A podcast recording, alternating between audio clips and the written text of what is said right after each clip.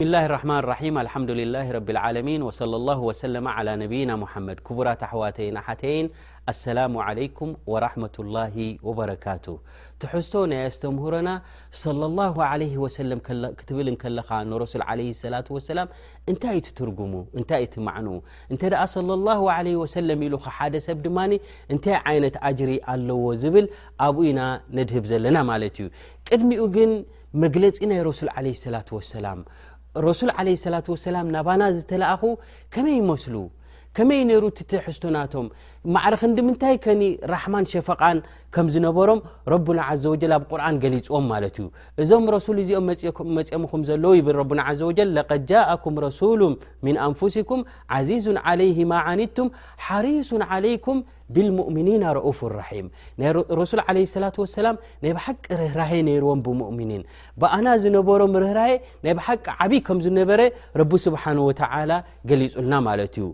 ወሃذ ለذ ቃማ ብሂ صለ ላሁ ለ ወሰለም ምን እብላቅ ሪሳላ ወኣዳኢ ልኣማና ወኑስሑ ልልእማ ሁወ ሓق ልእማ ዓለይህ ከማ ቃል ላሁ ተላ እዚ ረሱል ዓለ ሰላት ወሰላም ናባና ኣብፅሖሞ ዘለዉ እዚ ዲን እዚ ከምቲ ዝግባእ ገይሮም ከየጉደሉ ኣብፅሖምልና ዘለዉ እዚ እውን ናትና መሰሊ ማለት እዩ ኣላሁ ዘ ወጀል ግዴታ ገይሩሎም ንኣንብያ ከምቲ ዝተዋሃቦ ገይሮም ከብፅሑ መሰል ናትና ድማ ካብ ነቢያት ንጠልቦ እንታይ እዩ ከምቲ ግቡእ ገይሮም ከመሓላልፉ ወነቢይ ዓለይ ሰላት ወሰላም ከምቲ ግቡእ ገይሮም ኣመሓላሊፎምልና በል ኣላሁ ዘ ወጀል እንታይ ይብል ብዛዕባ በላቅ ግዴታ ምዃኑ ብዛዕባ ኣንብያ ወማ ዓለ ረሱሊ ኢላ ልበላቅ ልሙቢን ናይ እቲ ዝግባእ ናይ ኣንብያ እንታይ እዩ ተ ተባሂሉ ክገልፁ ከለዉ በይን ዝኾነ ዋድሕ ዝኾነ ንፁር ዝኾነ ገይሮም ክገልፁ ንደቂ ሰባት ረቢ ስብሓን ወተላ ኣዚዝዎም ማለት እዩ ፈሃል ዓለ ሩሱሊ ኢለ በላغ ሙቢን ኢሉ ረቢ ስብሓን ወተላ እምበኣረ ኣንብያ ክገልፁ ከለዉ ንህዝቦም ዘየማት ወይ ድማ ዘየደናግር ብርሃን እዮም ዝገድፉ ወነቢ ዓለ ሰላት ወሰላም ድማ ኣብ ብርሃን ገዲፎምና ሓቅ ኣልበያን ገይሮም ድማ ገሊፆም ኣብፅሖምልና ማለት እዮም ወልሊክ ረወ ልብኻሪ ፊ ሳሒሒ ዓን ዙህሪ እንታይ ይብል ስኒ ኣነሁ ቃል ምና ላሂ ሪሳላ ካብ ኣላ ስብሓን ወተላ ንዓና ግቡእና ዝገበረልና እንታይ ኣሎ እንተ ኢልና ልኡኻት ክልእኽ ማለት እዩ ወዓለ ረሱል ልበላቅ ናይ ኣንብያ ስራሕ ድማ እንታይ እዩ ኣልበላቅ ልሙቢን ናይ ብሓቂ ንፁር ዝኾነ ገይሮም ድማ ነቲ መልእኽቲ ከብፅሑ ማለት እዩ ወዓለይና ኣተስሊም ናትና ግደኸ እንታይ እዩ እተ ተባሂሉ ነቲ ዝተመሓላለፈልና ኩሉ ዋድሕ ዝኾነ ንፁር ዝኾነ ድማ ነዚ ድማ ሕራ ኢልካ ተቐቢልካ ድማ በቲ መንገዱ ናይ ነቢያት ምኻድ እዩ ብመንገዲ ረሱል ለ ሰላ ወሰላም ምኻድ ድማ ድሕነት እዩ ማለት እዩ ሓደ ካብቲ ዓላማ ወይ ድማ ምልክት ናይ ርሕሰት ሓደ ሰብ ስኒ ርሑስ እዩ ክትብሎ እተ ኮይኑ እንታይ ከማልእ ኣለዎ ኣን የስተስሊም ወየንቃድ ሊማ ጃء ብሂ ነብይ ዓለ ሰላት ወሰላም ርሑስ ሰብ ዝበሃል መን እዩ እንተ ተባሂሉ ነቲ ረሱል ዓለ ሰላት ወሰላም ሒዞሞ ድመፁ ንዕኡ ሕራ ኢልካ ምቕባል በቲ መንገዲ ናይ ረሱል ምኻድ እዚ እዩ እትርሕሰት ማለት እዩ ወልሊክ ኣላሁ ዘ ወጀል ኣብ ቁርን እንታይ ኢሉ ፈላ ወረቢካ ላ ዩእምኑና ሓታ ይሓኪሙካ ፊማ ሸጀራ በይነሁም ኢሉ ድኾነ ይኹን ድሰሓሕብ ነገር እተ መፅዎም ዝኾነ ይኹን ጉዳይ መፅዎም ነቲ ጉዳዮም ንክፈትሑ ናባኻ እተ ደይ ተመሊሶም ናይ ብሓቂ ኢማን ኣለዎም ክበሃሉ ይክእሉን እዮም ኢሉ ድሓር ናብቲ ሱና ናይ ረሱል እተ ተመሊስካ ናብ ቁርን እተ ተመሊስካ ድማ ሕራይ ኢልካ ረዲኻ ክትቅበሎ እዩ ዘለካ ثማ ላ የጅዱ ፊ ኣንፍስህም ሓረጃ ምማ قደይታ ወዩሰሊሙ ተስሊማ ነቲ ውሳኔ ናይ ቁርን ክመፀካ ከሎ ሱና ናይ ረሱል ለ ሰላት ወሰላም ክመፀካ እንከሎ ሕራ ኢልካ ረዲኻ ክትቅበሎ እዩ ዘለካ ማለት እዩ እዚ እንተ ዘይኮይኑ እንተ ሱቅ ኢልካ ሕርኽርኽ ዝብለካ እተ ኮይኑ እተ ሰይ ኢልካ ዘይተቅበሎ ኮይንካ ትእዛዝ ናይ ረሱል ለ ሰላ ወሰላም ሙሉእ ኢማን ከም ዘይብልካ በል ኢማን ከም ዘይብልካ እዩ ዘረድእ ማለት እዩ ምክንያቱ ረቢ ስብሓን ወተላ ፈላ ወረቢካ ላ ዩእሚኑን ኢሉ እዘን ትግቡእ ናትና እንታይ እዩ እተ ተባሂሉ ወይ ሓደ ሰብ ሰዒድ እዩ ርሑስ ዩ ክትብሎ እተ ኮይኑ ነቲ መንገዲ ረሱል ዓለ ሰላት ወሰላም ሒዞሞ ድመፁ ንዕኡ ሃንጎፋይ ኢሉ ሕራይ ኢሉ ክቕበል ኣለዎ ማለት እዩ ስለዚ ዩ ኸዓ ረቡና ዘ ወጀል ኣብ ቁርን እንታይ ኢሉ ወማ ካነ ሊሙእምኒን ወላ ሙእምና ኢዛ ቀض ላሁ ወረሱለ ኣምራ ኣን የኩነ ለሁም ልክየረቱ ምን ኣምርህም ኣስላማ ይኹን ኣስላመይቲ ትኹን እንተ ደኣ ትእዛዝ ናይ ረብን ትእዛዝ ናይ ረሱልን እንተ መፅዎም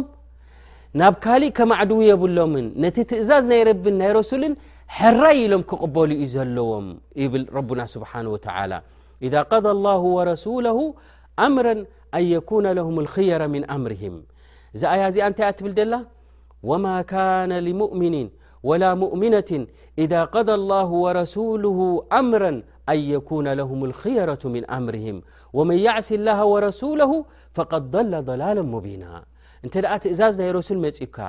ትእዛዝ ናይ ረቢ ስብሓን ወተላ እተ መፅካ ንዕኡ ሕራ ኢልካ ክትቅበል እዩ ዘለካ ንዕኡ ነፅካ እተ ከድካ ላኪን ኣብ ዓብይ ጥፍኣት ኢኻ ዘለኻ ፈቐ ላ ላለ ሙቢና ኢሉ ግልፂ ዝኾነ ብሩህ ዝኾነ መንገዲ ጥፍኣት እዩ እተ መንገዲ ናይ ረሱል ለ ሰላ ወሰላም ገዲፍካ ከድካ እዘን መንገዲ ናይ ረሱል እንተ መፅካ እዚኣስ ረሱል ኢሎማ እዮም ኣብ ሓዲስ ሰሒሕ ኣብ ቁርን ከሪም ከምዚኣ ተባሂላ እተ ሰሚዕካ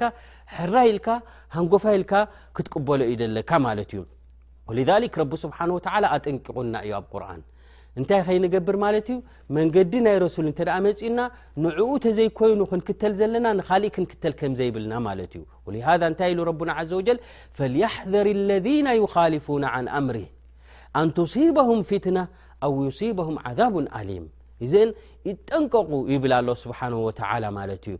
እንተ ትእዛዝ ናይ ረሱል ለ ሰላ ወሰላም መፅዎም ንዑ ዘይክተሉ እተ ኮይኖም ይጠንቀቁ ዓብይ ሙሲባ ከይመፅኦም ወይ ድማ ኣብ ዓዛብ ከይወድቁ ማለት እዩ እዘን ክቡራት ኣሕዋት እንታይ እዩ ዘሎ ማለት እዩ ኣላ ዘ ወጀል ካብ እመት መሓመድ ለ ላ ለ ወሰለም ገይሩና እዚ ዓብይ ኒዕማ እዩ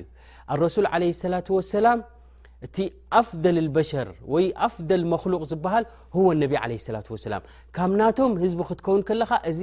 ዓብይ ርሕሰት እዩ ማለት እዩ ዝያዳ ርሑስ ኢኻ ትበሃል ድማ ንመዓስ እዩ ማለት እዩ እንተ እግሪ እግሪ ናይ ረሱል ኣር ናይ ረሱል ለ ሰላት ወሰላም ተኸትልካ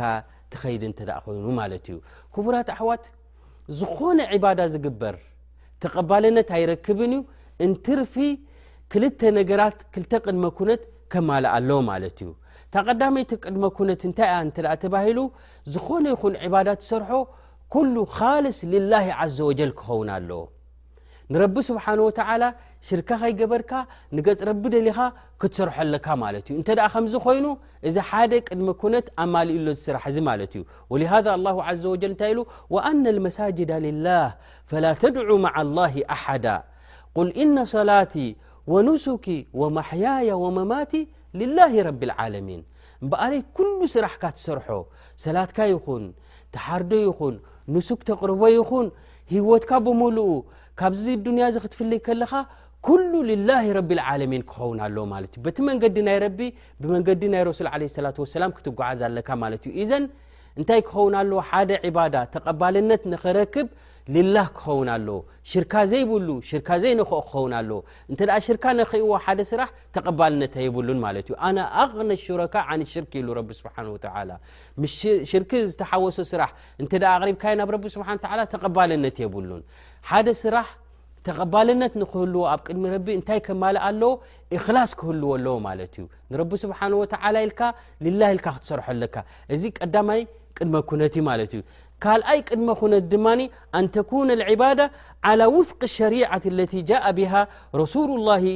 ለ ላሁ ዓለይህ ወሰለም ከምኡ ድማ ካልኣይ ቅድመ ኩነት ሓደ ተግባርካ ኣብ ቅድሚ ረቢ ተቐባልነት ንኽረክብ ክማላእ ዘለዎ እንታይ እንተ ተባሂሉ በታ ናይ ረሱል ዓለይህ ሰላት ወሰላም ሒዞማ ድመፁ ብኣ መንገዲ ዝሓዘ ክኸውን ኣለዎ ማለት እዩ ዝኾነ ዕባዳ ረሱል ዓለ ሰላት ወሰላም ዝኣዘዝዎ እንተ ኮይኖም ረሱል ዝገበርዎ እንተ ኮይኖም ሽዑ እንተ ተግቢርካዮ እዚ እዩ ተቐባልነት ዝረክብ ማለት እዩ ረሱል ዘይበልዎ ረሱል ዘይገበርዎ እንተ ኮይኑ ወላ ኮ ፅቡቕ ኮይኑ እንተ ተራእዩካ እተ ተግቢርካዮ ተቐባልነት የብሉን ማለት እዩ እዘን ስራሕካ ተቐባልነት ንኽረክብ ናይ ግድን ብመንገዲ ናይ ረሱል ዓለ ሰላት ወሰላም ዝሓዘ ክኸውን ኣለዎ ማለት እዩ ብኸምኡ ድማ ኣላሁ ዓዘ ወጀል ኣብ ቁርን እንታይ ኢሉ ወማ ኣታኩም ረሱሉ ፈኹዙህ ወማ ነሃኩም ዓንሁ ፈንተሁ እዘን ረሱል ዓለ ሰላት ወሰላም ሒዞሞ ድመፁ ንዕኡ እናተኸተልካ እኻ ክትከይድ ዘለካ ረሱል ዓለ ሰላት ወሰላም ዝኸልከልዎን ዝወገዝዎን ድማ ካብኡ ክትርሕቕ እዩ ዘለካ ማለት እዩ እንተ ደኣ ከምዚ ኮይኑ ብመንገዲ ናይ ረሱል እንተ ትሰርሓ ኣለኻ ኮንካ ከምኡ ድማ ልላ ኢልካ እተ ሓደ ስራሕ ትሰርሖ ኣለኻ ኮንካ ተቐባልነት ይረክብ ማለት እዩ ወሊሃذ ኣላሁ ዘ ወጀል ሓደ ሸርጢ ሓደ ቅድመ ኩነት ኣቐሚጡ ማለት እዩ ናይ ብሓቂ ሓደ ሰብ ፈታዊ ኣላ ስብሓን ወተላ እንተ ኮይኑ እንታይ ክኽተል ኣለዎ ማለት እዩ ንረሱል ዓለ ሰላት ወሰላም ክኽተል ኣለዎ ንረሱል ዝኽተል እንተ ኮይኑ እዚ ፈታዊ ረሱሉን ፈታዊ ኣላ ምዃኑን ምልክት እዩ ወሃ እዚኣ ኣየት ልእምትሓን ትበሃል ናይ ፈተነ ኣያ ትበሃል እንታይ ኢሉ ረቡና ዘ ወጀል ቁል እን ኩንቱም ትሕቡና ላሃ ፈተቢዑኒ ይሕቢብኩም ላህ በሎም ኢኻ ያ ሙሓመድ ዓለ ሰላት ወሰላም እንተ ደኣ ናይ ብሓቂ ንረቢ ስብሓን ወተዓላ ትፈትው እንተ ደኣ ኾይንኩም ንዓይ ተኸተሉኒ ኢኹም በሎም እዎ ንረሱል ዓለ ሰላት ወሰላም እተ ተኸተል ኮንካ እዚ ዩ ምልክት ምፍታው ናይ ረቢ እን ኩንቱም ትሕቡና ላሃ ፈተቢዑኒ በሎም ኢኻ ይሕቢብኩም ላህ እንተ ንዓይ ተኸትልኩምኒ ድማ ርኣዩ ትርሕሰት ርኣዩ ትሰዓዳ ዝበሃል እተ ንዓይ ድማ ተኸትልኩምኒ ይሕብብኩም ላህ ቀዳማይ ረቢ ስብሓን ወተላ ይፈትወካ ማለት እዩ ንረሱል ለ ላ ሰላም እተ ተኸትልካ ከምኡ ድማ ወየغፊር ለኩም ኑበኩም ዘንብኻው ይነቐፈረልካ ኣ ኣክበር እዚ እንታይ እዩ ማለት እዩ ንረሱል ተኸታላይ እተ ኮንካ እዚኣ ረሱል ገይሮማ እዮም እዚኣ ረሱል ሰሪሖማ እዮም ኢልካ እተ እግሪ እግሪ ረሱል ትኸይድ እተ ኮንካ ኣወለን መቕፊረት ላ ትረክብ ዘንብኻ ይቕፈረልካ ኣላሁ ኣክበር እዚ ሓደ ካልኣይ ድማ መሓበት ላህ ዓዘ ወጀል ትረክብ ማለት እዩ ወላሁ غፉሩ ራሒም ኣላ ስብሓን ወተዓላ ብመንገዲ ናቱ ዝኸይድ ብመንገዲ ናይ ረሱል ዓለ ሰላት ወሰላም ዝኸይድ ነዚኣቶም ራሕማናቱን መቕፊራናቱን ዝቐረበ እዩ ማለት እዩ ወልዛሊክ ኣነቢ ዓለ ሰላት ወሰላም ፊማ ረዋሁ ልብኻሪ ወሙስሊም ዓን ዓእሻ እንታይ ኢሎም ኣነቢ ዓለ ሰላት ወሰላም መን ኣሕደታ ፊ ኣምሪና ሃዛ ማ ለይሰ ምንሁ ፈህዋ ረድ ኢሎም ድኾነ ይኹን ተግባር ድኾነ ይኹን ስራሕ ንሕና ዲ ኣዘዝናዮ ሓድሽ ነገር እተ ኣብዚ ዲን እዚ እተ ምሂዙ ተቐባልነት የብሉን ኢሎም ኣነቢ ለ ሰላት ወሰላም እዘን እምበኣር ተቐባልነት ንኽረክብ ሓደ ስራሕ እንታይ ከማልእ ኣለዎ እንተ ደኣ ኢልካ ከማልኦ ደለዎ